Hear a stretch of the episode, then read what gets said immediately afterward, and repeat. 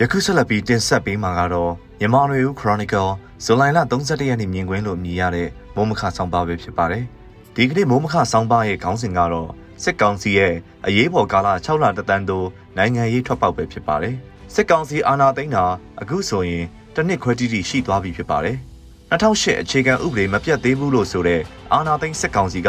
အခြေခံဥပဒေပါအချက်လက်ကိုညွှန်းဆိုပြီးအရေးပေါ်ကာလအုပ်ချုပ်ခွင့်ဒုတိယ6လသက်တမ်းကိုတိုးခဲ့ပါတယ်။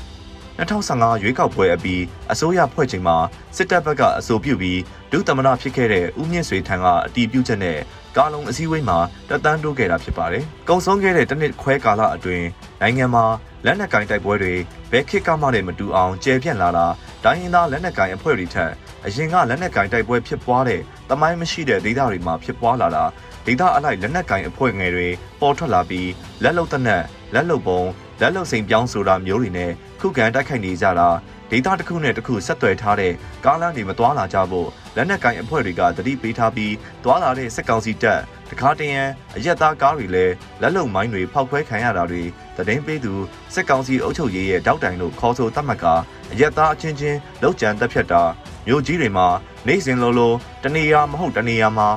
ပောက်ကွဲမှုသို့မဟုတ်ပြစ်ခတ်လောက်ကျန်မှုဖြစ်ပွားနေတာတွေက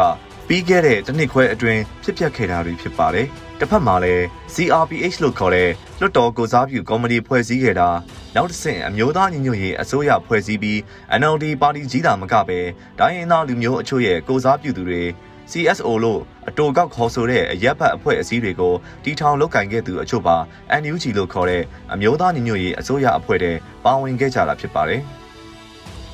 NUG ကတီထောင်ခဲ့တဲ့ PDF လက်နက်ကိုင်အဖွဲ့ကဘလုံနေရာချထားတယ်ဘလောက်အင်အားရှိတယ်ဆိုတာတွေရှင်းရှင်းလင်းလင်းမရှိတော့လဲအထက်ကပြောခဲ့သလိုဒေတာအလိုက်ပေါ်ထွက်လာတဲ့ကာကွယ်ရေးတပ်ဖွဲ့တွေ NLD ပါတီကိုယ်စားလှယ်တွေတာဝန်ခံထားကြတဲ့လက်နက်ကိုင်အဖွဲ့တွေကိုအခြေပြုထားတဲ့ NUG ရဲ့ပြည်သူ့ကာကွယ်ရေးတပ်ဖွဲ့ကစစ်အာဏာသိမ်းပြီးတနစ်ခွဲကြားတဲ့အချိန်ထိရှင်းရှင်းလင်းလင်းနဲ့ပုံမပေါ်သေးဘူးလို့ဆိုရမယ့်သဘောလဲတွေ့ရပါတယ်။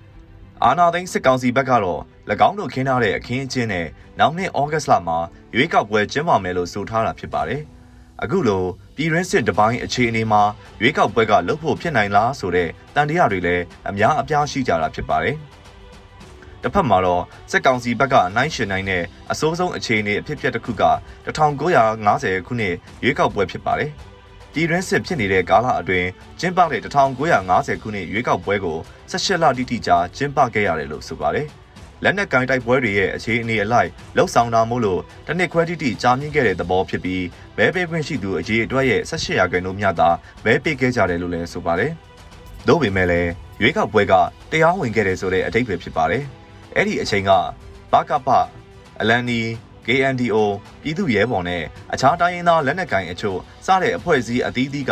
နေမြေအများအပြားကိုထိန်းချုပ်ထားစိုးမိုးထားတဲ့အောက်မှာရွေးကောက်ပွဲကျင်းပခဲ့တာဖြစ်ပါတယ်။အခုကာလက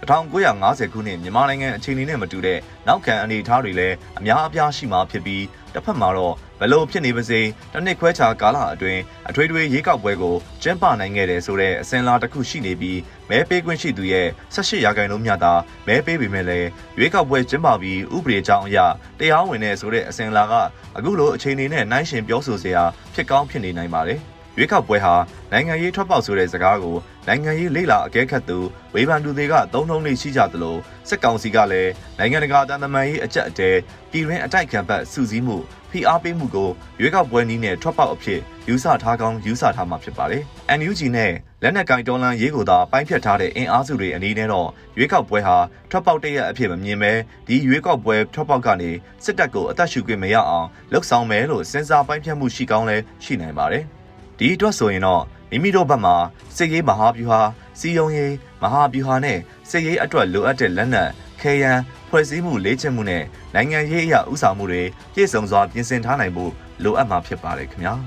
ယခုတင်ဆက်ပေးခဲ့တာကတော့စက်ကောင်စီရဲ့အရေးပေါ်ကာလ6လတသန်းသို့နိုင်ငံရေးထွက်ပေါက်လို့အမည်ရတဲ့မြန်မာနွေဦး Chronicle မိုးမခဆောင်ပါပဲဖြစ်ပါတယ်ခင်ဗျာကျွန်တော်ကတော့ຫນွေဦးမောင်ပါ